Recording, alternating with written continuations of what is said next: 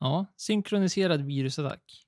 Fortsatta problem med Systembolaget. Det är ju frågan när de utgår från det, fortsatta problem. När tror du de börjar med det? Var det, var det utifrån den här hacken eller var det? Nej, här står det publicerat mindre än 20 minuter sedan. Ja, nej, det är... Det är inte långt. Nej. Swish, Systembolaget, Avanza. Avanza var jag faktiskt inne på förut och det tänkte jag inte på. Det kanske jag har blivit hackad på min Avanza då, utan att veta om det. Men Systembolaget försökte man ju faktiskt gå in på eftersom vi håller på med en, en podcast om alkoholrelaterade. Ja, Precis, Outlook ligger nere. Det gjorde det på jobbet idag också. Min Jaha. kollega kom inte in. Han bara, du problem med Outlook? Jag bara, nej. Det är bara du som är dålig, så. Ja, vilken konstig IT-attack alltså. Om det är både Systembolaget och det Avanza. Outlook, Det, det måste ju Swish. vara någon Swish, ja, det måste ju vara någon mellanhand där som använder sig av samma system, eller? Ja, det borde vara så. Eller så är det ju riktat liksom. Ja, här. Systembolaget. IT-attacken uppges vara en inte vara en direkt attack riktad mot Systembolaget utan mot externa leverantörer. Vilket har gjort att flera andra företag har drabbats. Aha, det låter lite som det här, kommer du ihåg Coop när deras eh, konto, vad var det, så här bankomatkortsläsare precis. lades De ner? fi- fick stänga alla butiker, för de kunde inte ta betalt överhuvudtaget, va? Ja, precis. Och det, det var inte bara Coop, utan det var ju liksom i hela, var väl i hela världen som alla använde samma le- leverantör. Var det inte så? Jag tror det. Det var Det länge verkar sedan. vara någon, ja, det var länge sedan nu. Men. Ja, spännande. Du har, du har i alla fall kommit till De snackar alkohol. Och vi grottar oss direkt ner här i Systembolaget för att när du väl lyssnar på det här så är det ju liksom fredag, men det var i, i måndags vi pratar nu så är det ju alltså eh, fortsatta problem, eller det är problem. Man kommer inte in på Systembolaget överhuvudtaget. Deras hemsida ligger helt nere och har gjort hela dagen. Man har ju sett eh, folk som har så här, försökt eh, eh, beställa hem grejer. För idag var väl, är väl, Eh, småskaligt. ja exakt, så det är ganska Lokalt. stort släpp. Mm. Ja. Ja. Tråkigt för dem. ja, jättetråkigt för alla som har försökt att klicka hem någonting idag. Men eh, ja, det har ju hållit på. chans verkligen. sen. Hade ju också frågan om de släpper det senare. Om det helt plötsligt blir öppnat igen och sen står folk som har koll på att nu är det öppet och börjar ställa eller om de flyttar fram släppet. Mm.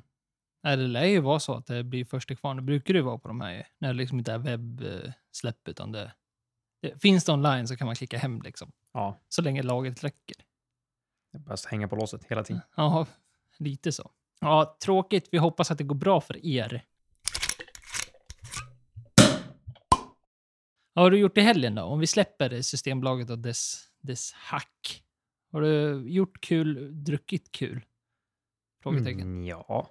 Och de som följer oss på sociala medier såg ju nog att vi här körde en liten eh, whiskyprovning, jag och en kollega. Och eh, det finns ju även med på våran bild som vi lägger ut idag, som vilket är måndag, på våra rekommendationer, så första bilden där. Och då mm, prova lite independent bottlings. Så körde en, en Armagnac från eh, Scotch Malt Whisky Society.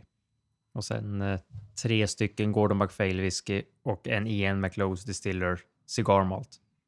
Och sen hade vi även två till whisky som inte var med på bild. En Cavalan Solist och en eh, Glenfiddich 23-årig Grand Cru. Ja, allt smakar skit eller? Ja. Ja, Allt var skit. ja vaskade allting på slutet. Allt, allt med Cola och Sprite. Ja. Det bästa. Ja, det är enda sättet att få i det ibland. Ja, nej, det var väldigt gott. Allting var gott och sen är det ju kul att prova lite olika, försöka få det jämnt ut sig. Om man säger cigarmalten är ju väldigt, väldigt cherrybombig, ska jag säga.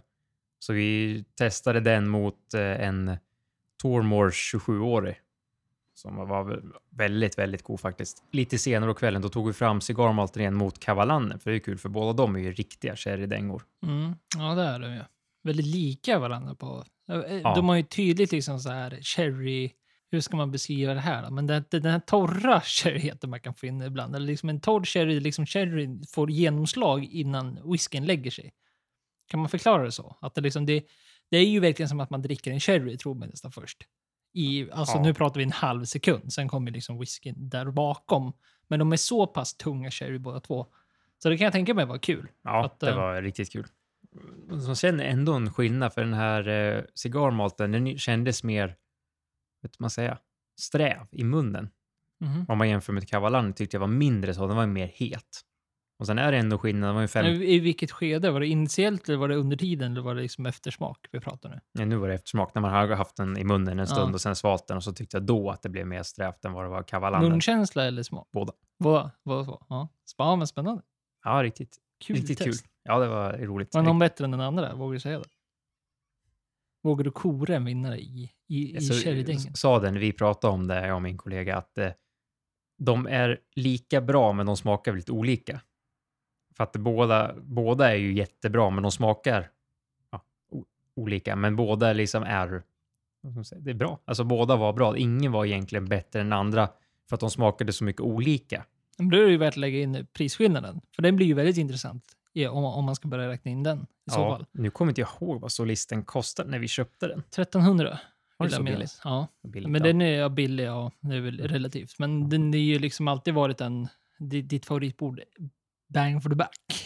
ja, absolut. Den, den har ju legat där och harvat. Och det blir väldigt påtagligt nu, för jag menar, cigarrmalten är inte billig. Nej, den kostar 2 2. Ja, så det är nästan ja, 900 spänn då. Ja, och eh, solisten vet jag inte om den är fem år eller sju år medan eh, den här cigarrmalten är 15-åring. Men tidigare har hon varit äldre så att den blir liksom yngre och dyrare cigarrmalten då mot eh, Mm, solisten som har blivit eller legat på Solisten samma. är lite, ja, och den är lite spännande just för att man kan ju gå in och läsa på sin solist.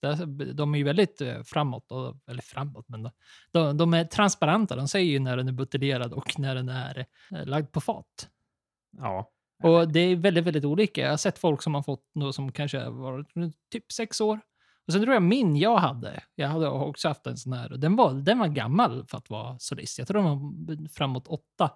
Och det beror ju naturligtvis helt på, för de, deras eh, ma- master distiller, han häller inte upp dem förrän han tycker det är okej. Så att då, då blir det ju väldigt stor skillnad mellan faten då. Förstår man ju. Mellan, mellan batcherna. Och det är ju kul att de är så transparenta. Men det är också kul att det kan skilja sig så mycket. Men däremot så ska det inte skilja sig så jättemycket i smak. Men så, som, vi- som vi pratade om för något avsnitt sen, att eh, batcher och så vidare, så det är ju så man måste göra ifall man vill ha samma typ av uttryck. ja, lite så. Och nu är det ju tråkigt att det finns väl typ bara en solist kvar på systemet och det var ju en som släpptes för inte så länge sedan, Vinobaricken. Den var ju, det är ju en annan sorts slutlagring på den, men den är också väldigt god. Den har jag bara druckit exempel av. Men eh, det är väl så, för mig att det var Symposion som tog in Kavalan nu eller om det var Clydesdale. De hade ju en leverantör som jag tror de tappade, som hade ingen importör till Sverige. Därför de inte finns på systemet längre. Och det är ju väldigt tråkigt för att man, man ska köpa på sig mer solister. Mm, ja, och det, det sa man ju på den tiden också att det skulle man ha gjort och så gjorde man inte det. Så dum man är. Men ja, så, sånt är livet. Men kul. Rolig provning lät det ju som. Ja, väldigt kul. Och avslutar ju egentligen så, ja, vi avslutar ju med att testa cigarrmalten mot Kavalanden. Och innan det så testade vi som slut på provningen så var det ju en, den här senaste 20-åriga Kawilan från Gordon MacPhail. Mm. Gott. Mm. Ja, det lät gott. Jag, jag har inte haft några provningar så. Eh, jätteprovningar. Men däremot så eh, korkade jag faktiskt upp till ovanligheten en, eh, och drack lite Macallan 18 trippelkasken. Uff. Apropå Macallan som jag pratade om väldigt mycket. Det var det min höjdpunkt på helgen fick bli. Jag drack inte så mycket Var det med full i kolan? Ja, Ja. Så, så blev det. Den blev lite avslagen kola, men det brukar vara bra säger de ju. Lägg den gärna på grillen. Finaste. Även om vi har druckit mycket gott denna helg i mycket whisky denna helg så dricker vi även whisky denna måndag. För ovanlighetens skull. Inte bara det att vi... Det är ovanligt att vi dricker whisky kanske inte så jätteovanligt, men att vi dels, dels dricker en, en sån här pass färsking och dels för att vi dricker på måndag. För att normalt sett så spelar vi inte in på måndagar. Det fick bli så här nu. För att det är nationaldagen och så vidare på tisdag. Imorgon, Imorgon. i våran värld.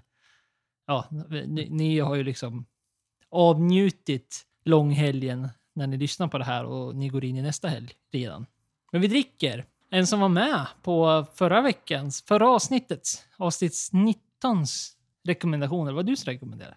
Ja, eh, och det är ju Agitators eh, argument eh, iLay PX. Det är ju alltså, ja, du pratade lite om den då, då. att Det är ju deras argumentserie och de släpper ut en ny nu som då har legat på, det är en, alltså en rökig whisky, vi kan väl börja där då, det tror jag de flesta vet i och för sig då, men Isla är ju Isla. Alltså Isla, lilla ön utanför Skottland där de har traditionellt rökig whisky.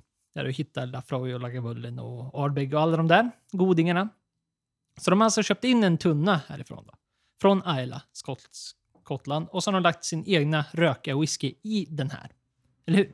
Ja, en eh, Isla PX och ja, en Pedro Ximenez Cherry tunna som har varit på Ayla och haft någon sorts Ayla i- sprit i sig och sen har de kommit till agitator Mm. och de har lagt sin rökiga sprit på 40 ppm. Mm, precis. 40 ppm skriver de.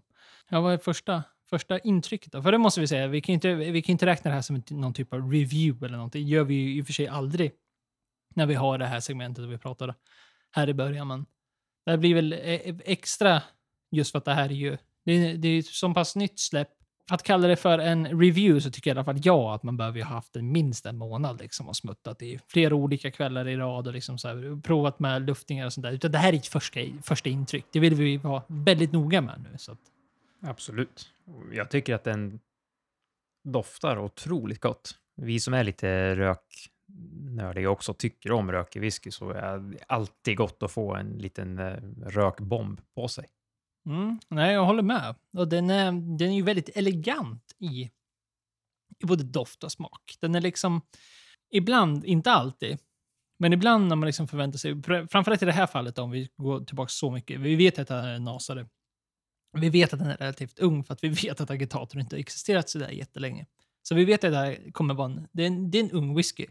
Och det ska man ju säga är ju någonting som oftast brukar kunna vara väldigt spännande och väldigt gott i, inom, framförallt inom Ayla-sfären så att säga. Och även om det här är en sprit som de har gjort då naturligtvis, men tunnan kommer därifrån. Men den är väldigt elegant för att vara så pass ung. Det är dit jag vill sluta och komma på. För annars kan man liksom få de här associationerna av en äldre Isla whiskys. Kan få den här elegansen som jag tycker att man hittar framförallt i snok, men även på smak.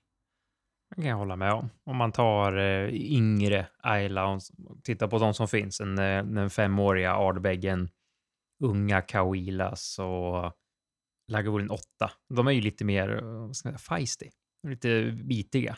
Så att jag håller med att den här är mycket mer elegant som man får på äldre Ayla. Mm. Ja, är så väldigt liksom elegant. Jag vet inte vad, hur man ska uttrycka sig. Vi är ju som sagt vi är inga smakexperter, sånt där, utan vi är entusiaster. Och vi, men det, det, det är väl bra att vi våra röster höjs också i det här fallet. Så att ni andra entusiaster kan få tummen. Den är liksom elegant, smidig, naturligtvis rökig. Det är väl ingen skräll. Men det kanske å andra sidan inte är den här smällkäften man också ibland kan få från vissa Ayla-uttryck. Det kan jag hålla med om. Jag, jag, tycker den är riktigt trevlig och riktigt bra. Och återigen så besviker, eller man blir inte besviken på ett, en flaska från Agitator. Jag tycker nästan allt de har släppt hittills har varit bland det bättre man har druckit från eh, svenska destillerier. Mm. Nej, men de håller en väldigt hög nivå och eh, de slutar inte här. Men om, man då ska, om vi ska sammanfatta det här på något sätt då, så tycker jag den, den är bra, trevlig, elegant, smidig. Den är ju mer åt det rökigare hållet än sherryhållet då. Den håller väldigt bra balans, men sherryn drar ju snarare till någon typ av strävhet, kanske någon typ av sötma nästan. Fast ändå inte, men det är fortfarande mer rök än vad det är. Och det är ju inte konstigt heller eftersom det är en rökig whisky de har lagt på en, ett second... Ja, men det är ju ingen first heller, det vet vi ju. Men vi vet inte hur många de har legat där efter. Och de har inte, vi vet att det inte har legat jättelänge på en tunna heller. Men väldigt trevlig, trevlig balans av sherryn. För annars kan det ju vara så att sherryn alltså är väldigt på och eh, röken blir en del och går in i symbios där med i och för sig då. Men det är kul att få den här.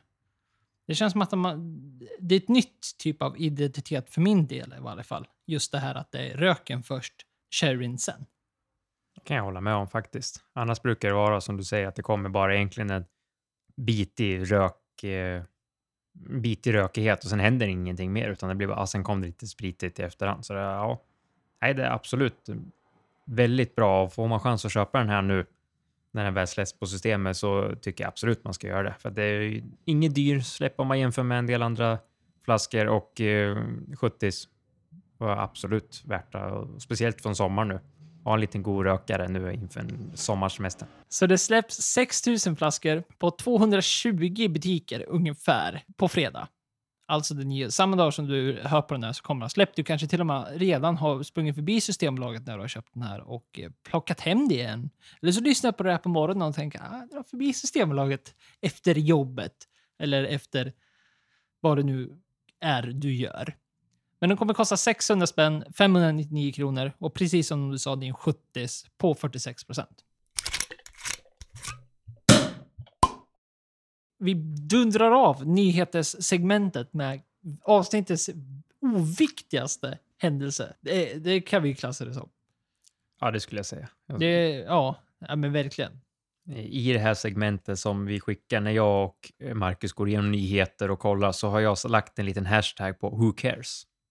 på den här. Och det är att Dwayne The Rock Johnson eh, säger att hans tequila har sålt mer än George Clooneys. Ja, så det det handlar om, alltså, det är någon typ av kukmätartävling i tequila brands av kändisar. Det är det vi har här. Och det är ju lite who cares.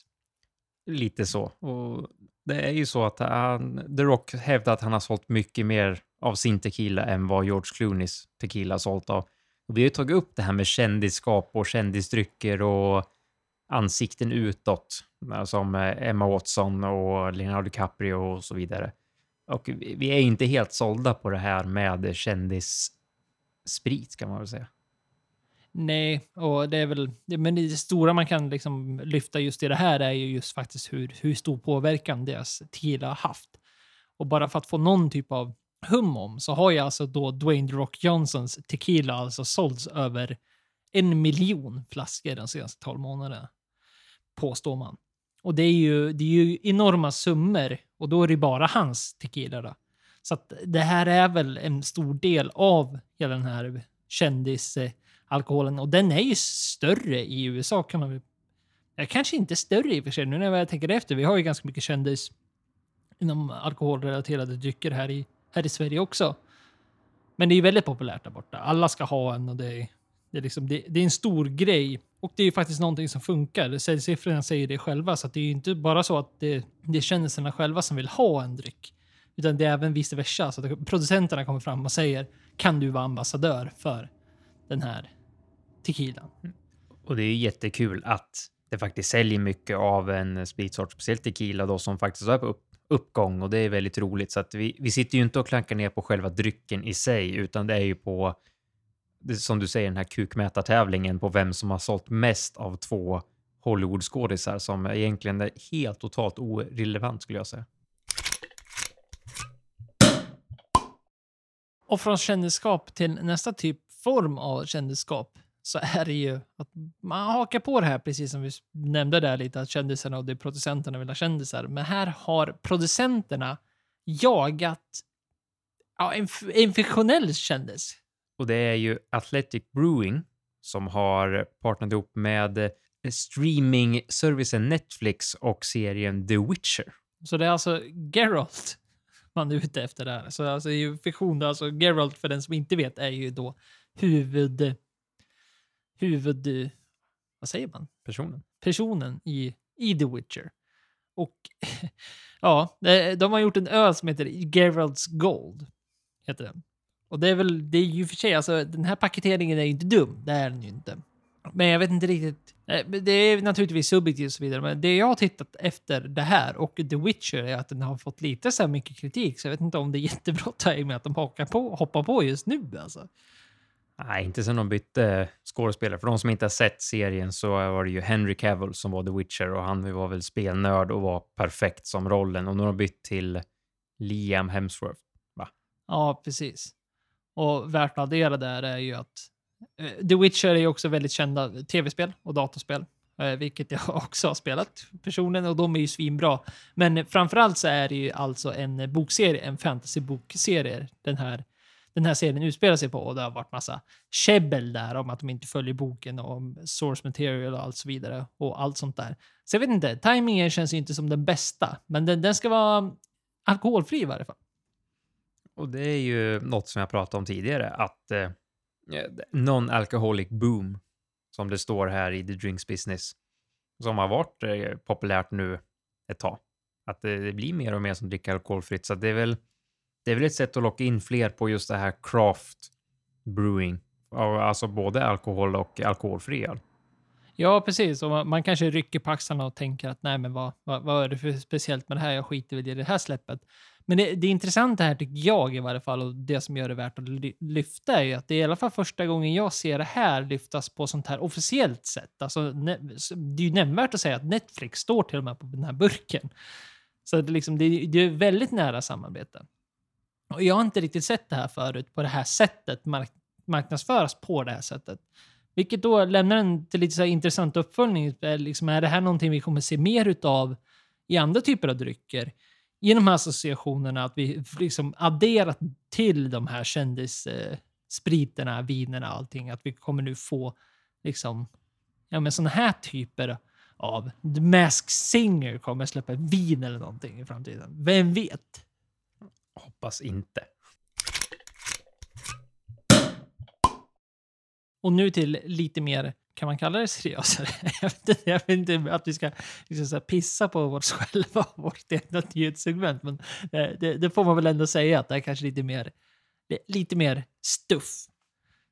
Det skulle jag säga. Och då är det egentligen andrahandsmarknaden som vi har pratat om lite med auktioner och sånt här. Men det här är ju faktiskt om öl.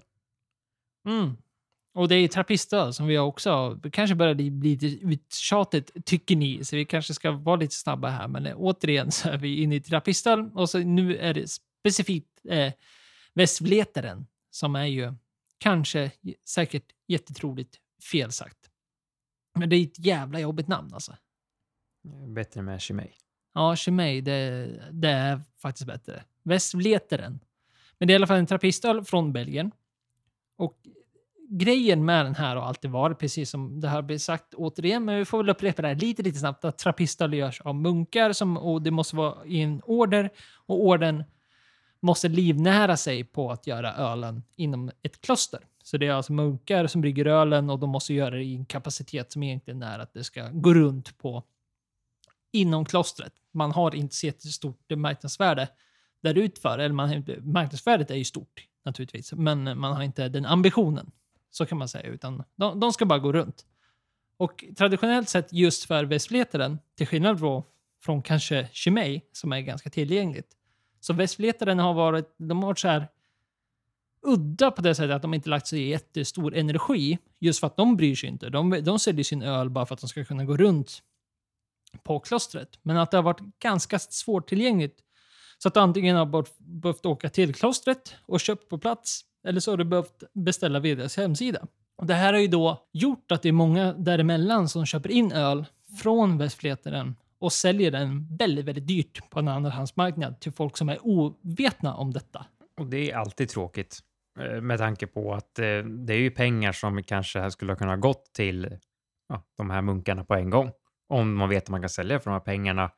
Och det här är ju ett stort problem i hela alkoholvärlden skulle jag säga med andrahandsmarknaden som då gärna trissar upp priser och säljer dyrare för att som det står, de säljer, de säljer ölen på deras hemsida för 2 euro per öl. Och det kan man ju räkna ganska fort. Det är inte mycket pengar. Nej, det är väldigt billigt. I alla fall innan vi pratar om trappistöler. Så de har ju haft en väldigt sån här, för jag menar, eh, från deras sätt så vill ju de inte sälja den för mer. Det, det, är, liksom, det är ju väldigt speciellt det här att det, man säger alltid, vi, vi som är uppvuxen i den här världen vi lever i, att ja, men marknaden styr allt. Och det är väl bevisligen sant här på andrahandsmarknaden. Men i det här fallet så är det ju faktiskt att munkarna vill ju faktiskt inte sälja dem för mycket pengar. Tanken är att det ska vara god öl för bra pris.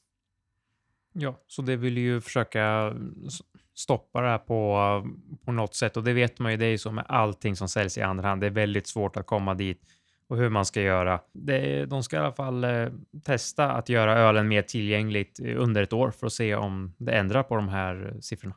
Mm, och det kommer det säkert bli. Och sen får vi se vad priset, jag menar de här två eurona kommer inte vi få se sucken om här i Sverige naturligtvis med våra skatter och allt som kommer där med. Men eh, det vore väldigt kul att liksom kanske få se större tillgänglighet på både barer ute runt i landet och världen får man väl dra till det med. Till och med.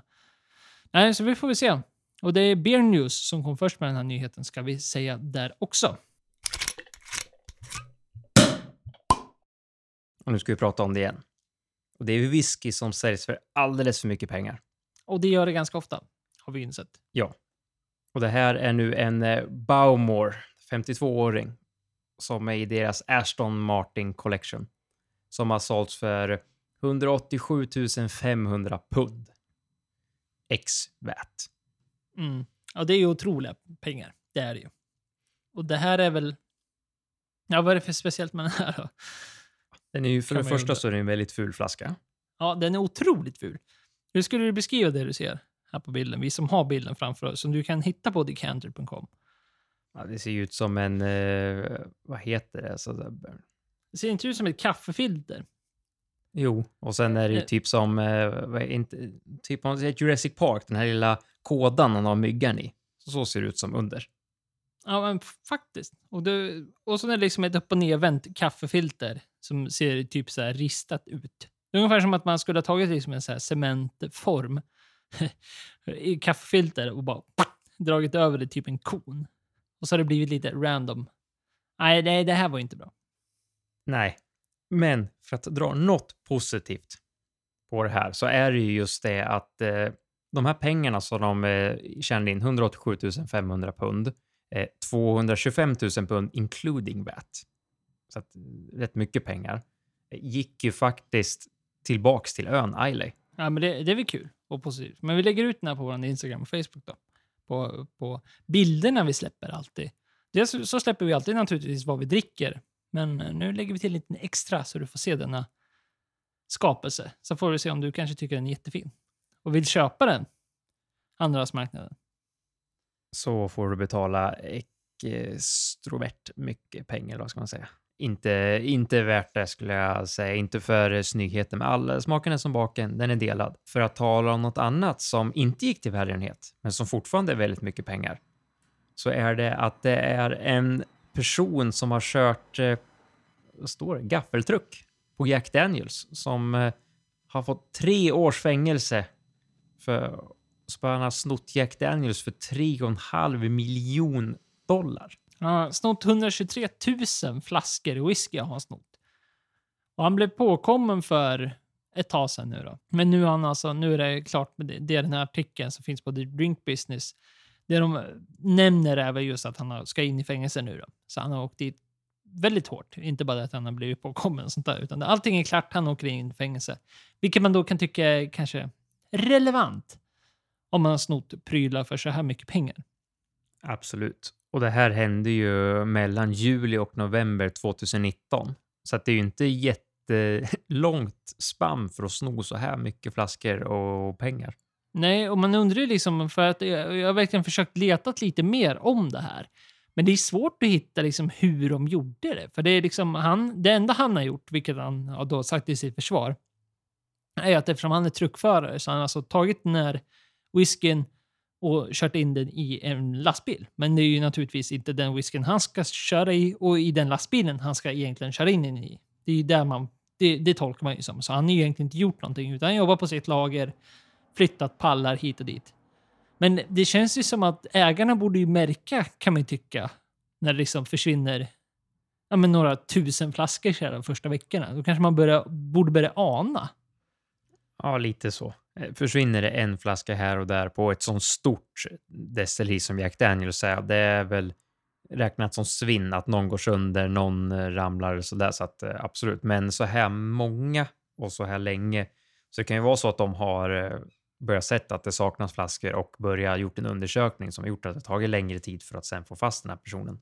Ja, kanske så. För det- man har hittat, eller som han- också han säger i sitt försvar, är ju då att det finns folk över honom som har liksom dragit i trådarna och han har bara kört sin, sin truck. Så det kanske är där då, att det är liksom där, för det måste ju vara på ett högre nivå om man ska kunna komma undan med det här. Man måste ju, liksom, man måste ju fiffla i siffrorna också. Annars hade det ju som sagt blivit väldigt påtagligt. Men för så han blev påkommen var alltså hans egna fel också, vilket också är lite ironiskt så. Alltså att de hade inte märkt någonting. Han hade slutat sitt jobb och så var det ett år efter de kom på att det var han då. Men varför de kom på att det var han var för att han liksom började köpa prylar. Alltså allt från elektronik, teknologi, kläder, bilar, semestrar som liksom var långt över vad hans tidigare kännedom eller liksom deras kännedom av hans ekonomiska situation var efter det här. Så det, liksom, det är den livsstilen han hade. Det var ju därför han kom in i skopet. Så att säga. Och det var så de gjorde att de kom på att det var han just. Och sen kunde de komma på honom via kameror och så vidare. Att han då flyttade mer flaskor än vad han borde gjort den dagen.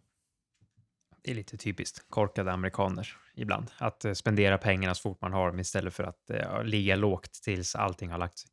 Ja, eller i alla fall bara ljug. Vad fan, säg att man vinner på trav eller liksom så här. Hur, ljug. Säg att man bettade, fick in ping, pengar, liksom så här. Hitta på en sån lögn och sen börja spendera pengarna.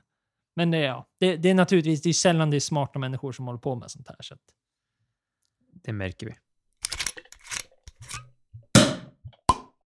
Och ännu en ölnyhet som kommer från Beer News igen här är ju just att det var några herrar som har köpt tillbaka sitt egna bryggeri. Så grundarna köpte tillbaka det bryggeriet man en gång sålt vidare. Och det är kul. Själva den grejen.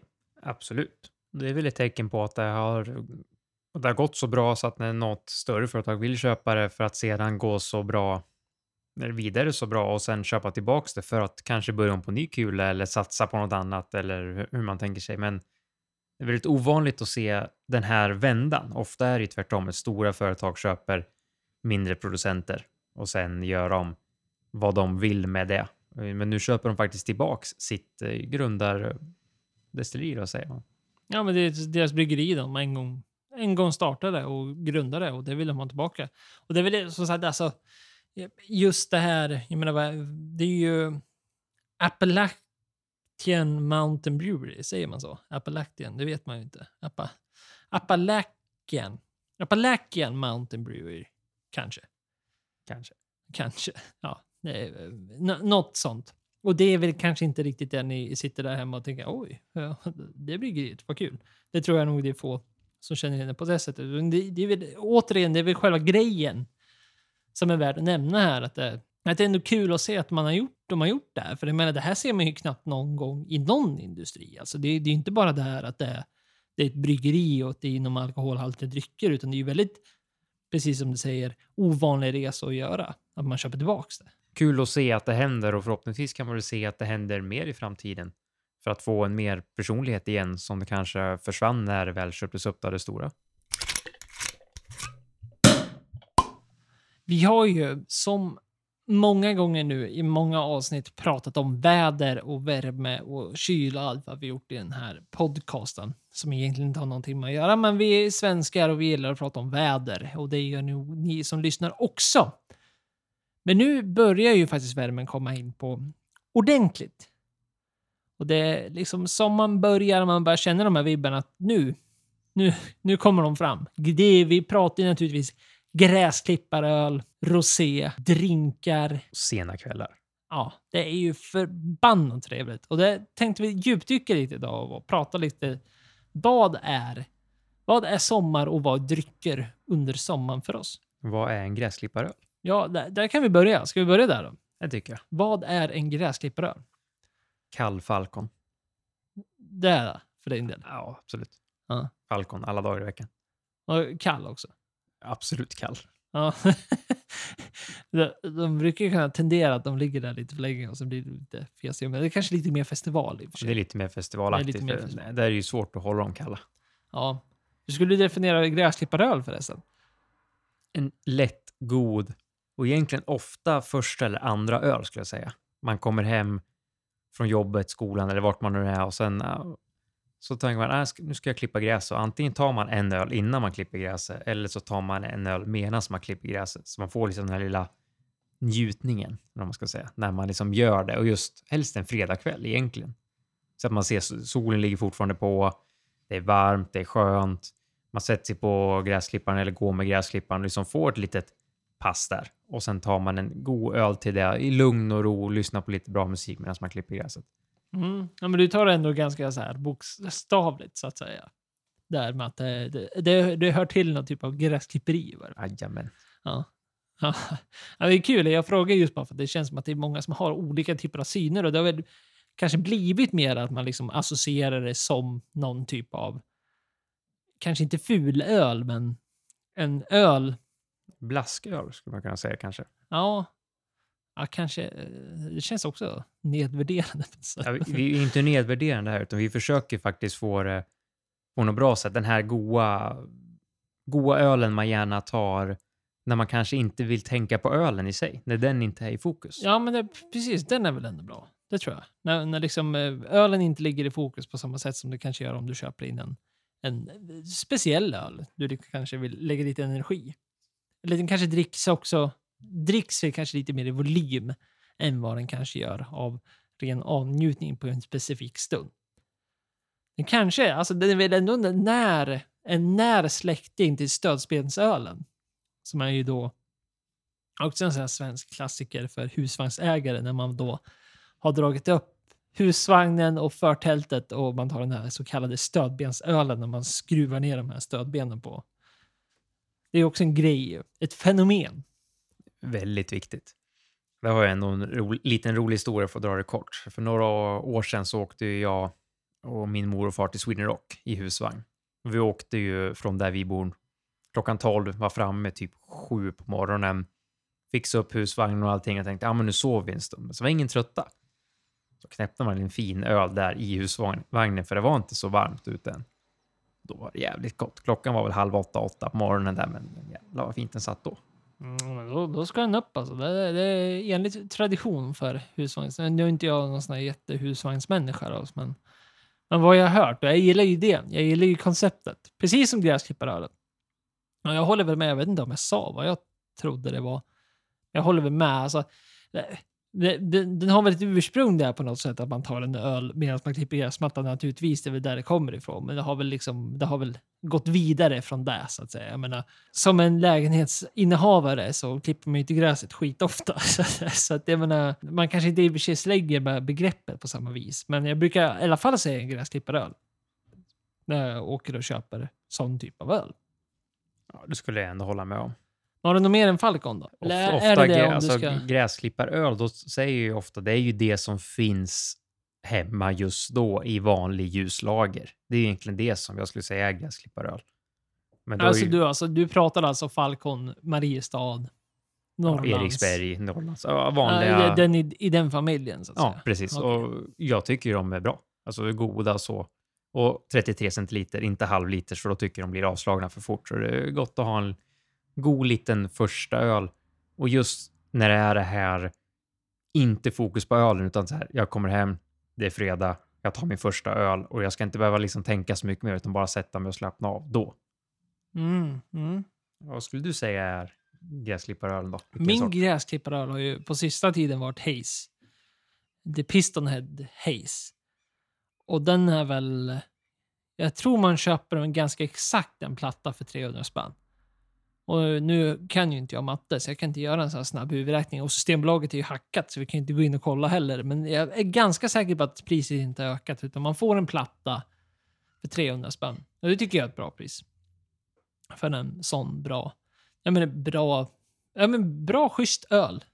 Får jag väl ändå säga. Det, det, det är, det är gräsklippare för mig och då är det inte bara associerat till, till priset, vilket jag tror är ändå en viktig del i den här ekvationen. Men även liksom känslan. Alltså, det är ju en haze. Alltså, du som inte druckit en haze, det är väl alltså, det är precis vad det är. Alltså, dimmig med mer så här, kanske fruktig. Lite mer åt det här om du inslag av sån här citrusiper och så vidare. Alltså, den har mer slag av frukt och kanske fräschör än vad en typisk bock eller en typisk ljuslager som kanske har lite mer beska som lurar där bak som är någon slags den här och något annat. Vilket är sommar för mig och sommaröl för min del, vilket jag då associerar som en gräsklipparöl. Och där slänger jag även in typ Blanc, tycker jag också är det. Och det här kanske är liksom så här, beroende på helt på vilka nivåer man vill prata om, men som allt annat, det är ju allting relativt naturligtvis. Men jag håller absolut med att det kan vara en sån här, jag menar, schysst ljuslager. Nu kommer inte jag på riktigt, riktigt vilken jag skulle dra till med så, som jag tycker är riktigt, riktigt bra. Så jag låter det vara osagt just nu, så måste jag tänka vidare. Så får du säga något annat. Om man går vidare och så säger vi det här, den här drinken man vill ta på sommaren, liksom det är soligt väder och vi kör samma koncept. Vi kör fredag kväll, hem från jobbet, solen skiner, har, du gräs, har, har man klippt nu eller? Ja, men nu säger vi att det är jättevarmt. Nu, du behöver inte klippa gräs den här dagen. Okay, ja. Det är gult nu, måste vattna gräs istället. Ja, ja, ja. Då vill du ha en drink istället. Okay. Vad vill du ha då? Oh. Då, då gillar ju jag den här, den här kanske mer friska. Jag har ju gått, mycket tack vare dig, så har jag liksom börjat lärt mig dricka lite mer GT. Eh, gin och tonic. Och har ju där, därefter druckit lite mer sånt själv. Och det är ju aldrig fel. Men samtidigt så är väl inte det kanske typiskt sommar, utan det känns som att det är liksom allround-drinkens drink på något sätt som liksom funkar På sommaren? också. Men därför vill jag inte kalla det som en så här riktig sommarrink heller. För det är liksom, är det någon som associerar... Jag har ju faktiskt goda vänner som alltid har en eh, sommarrink. Som de gör med, jag tror det är juice, vitt vin och Sprite. Som de kör in. Och man hör ju, det här låter ju livsfarligt, det låter kanske lite ungdomligt sådär, men... Ja, men det är inte fel ändå. Alltså, ta en sån. Det är ingenting man dricker en hel kväll. Men det är ändå sommar, det har blivit det. Naturligtvis väldigt personligt och väldigt subjektivt att just den drinken, just för att de dricker den hela tiden. Ja, det skulle vara den. Jag kan hålla med om. Den låter söt och god. Annars är ju söta drinkar. Om man gör någon stor bål som man brukar göra på sommarfester, man slänger i, vad kan man ha i den? Typ ljusrom, Sprite och jordgubbar. Egentligen är klassiska, superenkla. Det är väldigt gott. Eh, Jag måste ändå köra GT. Jag tycker det är svingott. Det, är- det är det bästa. Ja. ja, det är väl ingen skräll. Men det, det är ändå det som jag fått, för att, just för att det är så enkelt. För nu ska vi ta, man kommer hem, tar ju fredag kväll efter jobbet, du är trött, du är lat, du orkar inte ställa dig och göra liksom en riktig drink, börja hålla på och göra en mojito eller någonting. Du vill ha snabbt, enkelt. Oh, mojiton är bra. Ja, den är bra. Där sa du någonting. det tar för lång tid att göra. Ja, men det finns ju ready to drink. Inte Som är, det, som är go- ja, men den är god också. Ja. Är? Det är en god ready to drink. Men, Men, mojiton vill jag slänga in nu bara för att du sa det. ja, men den är bra. Det kan jag helt Det hålla är med om. sommar. Men man vet ju på fredag morgon när man går till jobbet att man slänger in sin lilla tonic och sin gin i kylskåpet och glaset så allt är kallt när man kommer hem. Ja, men då kan du lika gärna ta en vargtass om du ska dra det som ett argument. Menar, då är två ingredienser klart. Jock, lingondryck och lite HB. Nej, men jag förstår vad du menar. Men du är också en riktig GT-människa å andra sidan. Vilket Mm. jag tror de flesta förstår i och med det här segmentet. Annars har vi ju ett roligt cement som är, och det är ju sommarwhisky som vi har en liten rolig historia om. När någon drack upp en sommarwhisky som idag man aldrig skulle dricka över en sommar. För det prisklassen. En så kallad anekdot som man kan bjuda på. Nej, men det var väl, eh, vi köpte in, eh, du och jag. Eller, det var du som köpte egentligen och så köpte du för mycket. Och det här var ju då en Macallan Sierra. Vilket var en... Siena. Sienna. Ja, förlåt. Och det är ju en gammal serie nu. Är det väl? De... Ja, den finns ju inte kvar att köpa. Den fanns på systemet tror jag. Alltså som en eh, vanlig, vad säger man, core range. Du kunde köpa Gold, Amber, Sienna och Ruby.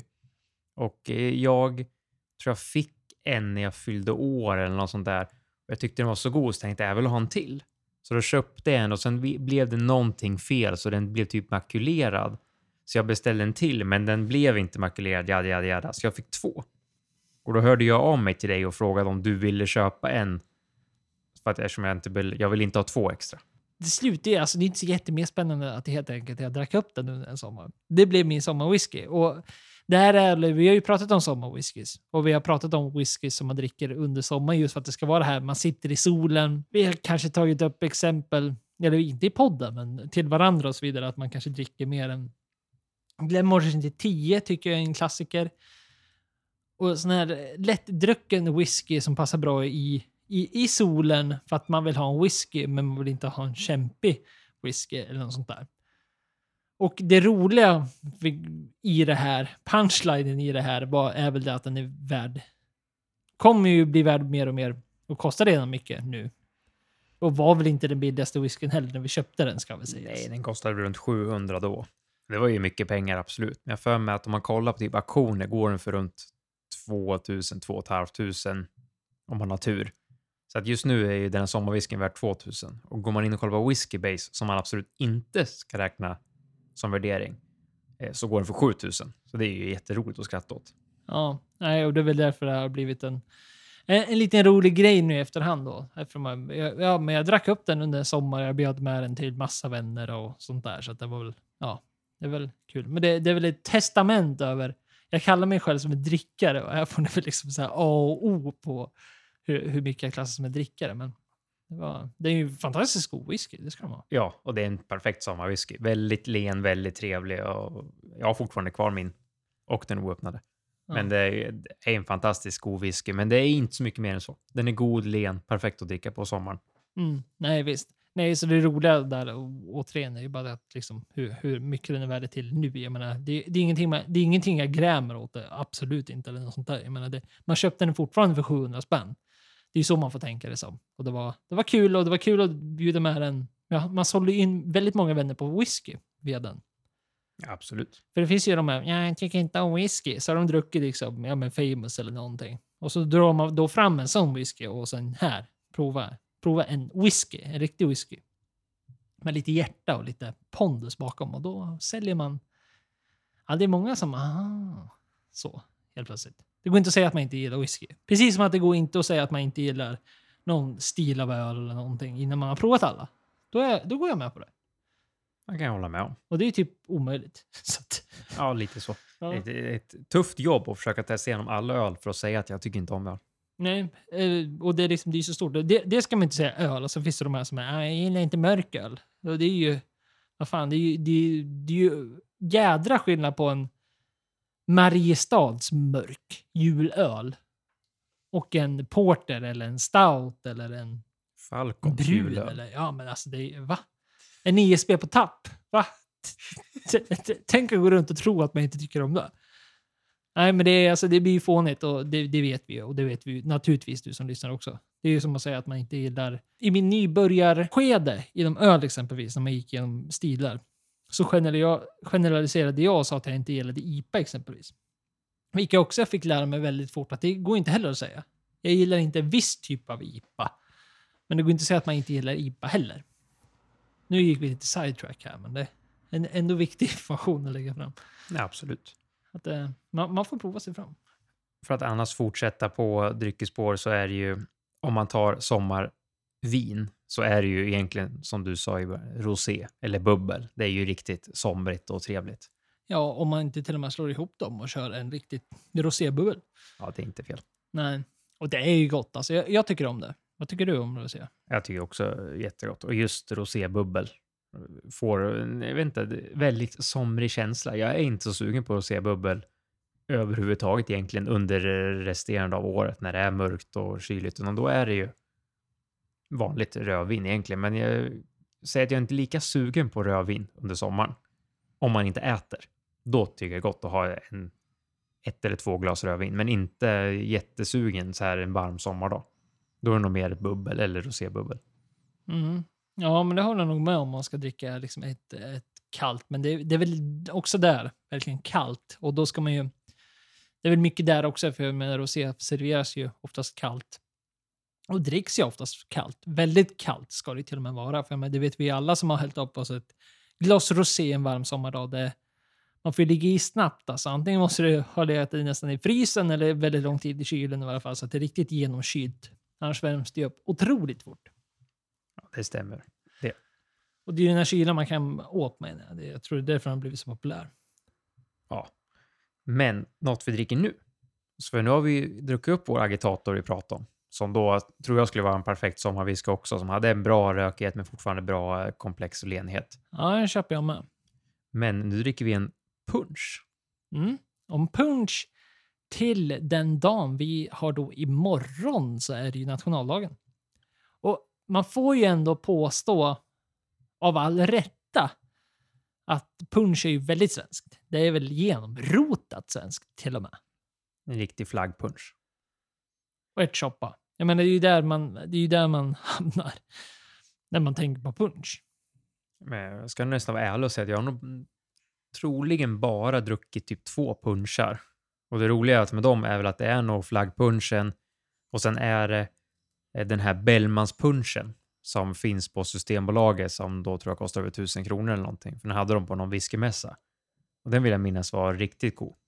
Men nu dricker vi en eh, Tegner och Son punch som då är en eh, det står recept nummer fem. Svensk tradition. Gjord på finaste Batavia Arak och vällagrad västindisk rom. Mm. Ja, den är jättetrevlig. Är den. Det, det, det är också så här... Ja, men det finns ju olika typer av varianter naturligtvis. Och olika typer av... Men det här är väldigt trevligt just för att man får verkligen den här... Eh, men rom... Eh, tydlig romsmak i den. Som är liksom välbalanserad och trevlig. För annars, för de som inte vet, så är ju punch om man då bara... Jag tror alla har hört punch, men det kanske är färre som har druckit punch. Men det räknas ju som en likör. Precis som alla likörer är ju för att det är väldigt hög sötma. Väldigt hög sockerhalt. Så att det är ju liksom, den är ju söt och den är liksom sockrig på ett sånt sätt om man då ska... Då menar jag alltså inte en sötma som ibland kan vara den här fruktiga sötman eller den här sötman man kan få av ja, den typen av livsmedel. Utan nu pratar vi alltså sötma, sockersötma, alltså ren ja, men godis, socker, den typen av sötma. Det kan jag hålla med om. Och det är lite kul att nu har vi varit inne på det spåret i förra avsnittet när vi drack ett Okaj-svin som var sött. Och det här är också väldigt sött. Och, Mm, eh, men eh, annan sötma än Tokaji-vinet skulle jag absolut. påstå. Men varken du eller jag är ju, om man ska dra det hårdast, varken söt godisråttor, vad ska man säga. Vi äter inte jättemycket sött, varken du eller jag. Nej, nej, så är det. Och inte dricker heller. Om man jämför med våra drinkar så är det ju väldigt sällan vi drar fram en söt drink. Eller en söt cider eller någonting, utan det är ofta lite torrare och lite så här. Men jag måste säga att den här var riktigt trevlig.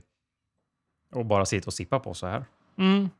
Och det, det som är genomtydligast med en punch, eller det som gör en punch till punch, är ju en av huvudingredienserna. Det är, oftast är det ju liksom en blandning av saker. Vilket den här också är då. Som då var arrak och det var rom i det här fallet. Men det är väl just det arraken som då är ja, men tydligt betydande för en punch. Som alltid finns där. Och arrak görs på sockerrörsmelass eller ris som destilleras. Och sen är det liksom en bas i en punch. Och som har varit där, för jag menar punchen går ju tillbaks väldigt lång tid i svensk historia, vilket gör den ju väldigt rolig. Eh, framförallt där på 1800-talet var, var det då den hade liksom ja men kanske sina, sina, sina heydays, så att säga. Sen finns det ju naturligtvis tidigare än så, men det var 1800-talet det verkligen drog ner. Och det var då man ville att den skulle drickas riktigt, riktigt kall. Och det var väl då man började dricka den till exempelvis ärtsoppa och allt sånt där mycket mell- mittemellan.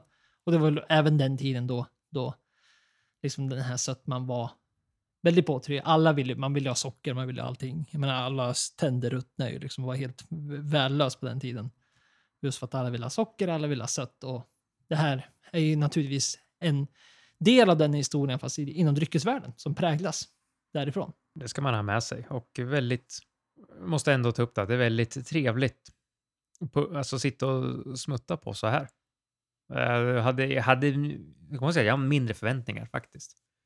Än vad, vad jag tror. Alltså, nu har jag inte druckit punch på flera år. Men att det var så här gott som det var nu, det, det är roligt. Punch är väl någonting man mer har tänkt på som kanske någonting man skämtar om, någonting som alltid har funnits där som en del av historien som man kanske inte har suttit och druckit på. Ja, men så här, jag menar, när vi sitter så här och dricker någonting till poddavsnitt så är vi ju väldigt, vi häller ju upp det och sen sitter vi och sippar på det väldigt länge. Och vi får en uppfattning av det vi dricker på ett helt annat sätt, får man väl ändå påstå. skulle jag absolut säga. Vi har ju sagt att vi inte provar för att uh, prova, så här, smaka och sätta smaknoter och förklara sånt, utan vi provar för att uh, dricka. Som vi är man ofta gör. entusiaster. Ja. Och vi ska försöka beskriva det på entusiastvägar till er som också är entusiaster. För jag menar, vill man ha ett expertutlåtande då får man ju vända sig till experter, för det är inte vi. Absolut inte. Entusiaster som ändå har lite koll och vill lära oss mer och eh, vi hoppas att de flesta av er får lite inspiration och vill testa mer också med det vi provar. Och nu är det så här, förutom att du som lyssnar snart kanske går in på semester, vi tar snart semester och allt vad det är, så tar även Systembolaget semester. Och då mest nämnvärt är väl lanseringarna. Webblanseringarna går inte igång igen förrän augusti. Det är någon i juli så vi inte missar den. För det har jag sett på Systembolagets sida. Nu kommer vi som sagt inte in på den. Så jag kan inte kolla med för mig att det är något släpp där i mitten på sommaren. Men sen är det augusti som gäller. Ja, nej, men då kanske det är tillfälligt sortiment och lokalt småskaligt i så fall. För Ja, jag. webblanseringarna har jag framför mig och de, de tar semester fram till den 10 augusti. Ja, det kan stämma. Så det är ju... Det, så det är ett tag. Så att, eh, då är det inte svårt att inse då, för dig som lyssnar, så, så ryker vårt segment veckans släpp nu, eftersom det inte finns några släpp.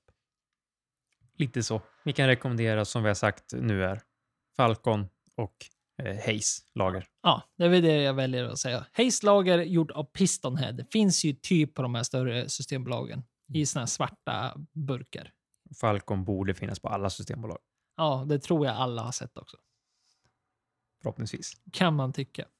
Nej, så vi får väl se. Vi, kommer väl, eh, vi får väl se vad vi hittar på. Om vi hittar på något annat nu under sommaren. Eller så hoppar vi helt enkelt bara över det här och skiter i det. Men har du några förslag på e- ersättare eller om det är någonting du kanske tycker att det vore kul att vi hittar på något annat istället för det segmentet. Om du har någon rolig idé om vi vill fortsätta lite mer med det här dryckesvägen och så vidare. Så eh, skicka gärna ett mejl till kontaktet detsnackaralkohol.com. Och det var allting för oss denna vecka. Hoppas ni eh, kommer få en bra, eller haft en bra nationaldag och får en bra helg. Ja, verkligen. Och haft en skön långhelg som jag tror nog ni flesta kommer ha haft under den här tiden du lyssnar på detta avsnitt. Men eh, har du några sista ord om agitator? Agitator? Jag tycker fortfarande den var fantastiskt god. Väldigt trevlig. Så att det, är, det eller kan, jag vet inte om man måste hänga så mycket på låsen, men eh, det känns som det. De har Ja. gått åt fort de här ändå. Ja, men det har de. Och de släpps som sagt på fredag. Dagen du hör det här, om du lyssnar förutsatt att du lyssnar den nionde på den fredagen. Så det är alltså Agitator, Argument, ILA, PX. Och så drack vi även punch. Punchen, det var också positivt. Ja, den är positiv. Så vi druckit mycket detta. Kul. Kul. Men som vanligt, vill du höra av dig så hör av dig på kontakt.disnackaralkohol.com ifall du vill ha en, en kommentar, en eh, Annika, någonting. annars är det bara att du hör av dig till oss på Instagram eller Facebook.